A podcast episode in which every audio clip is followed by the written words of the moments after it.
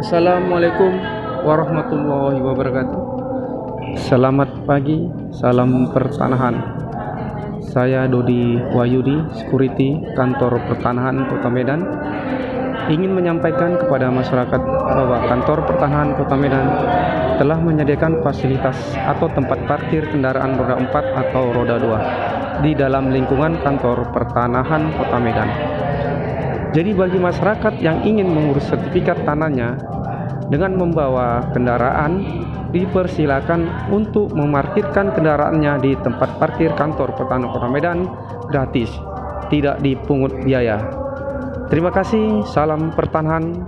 Assalamualaikum warahmatullahi wabarakatuh.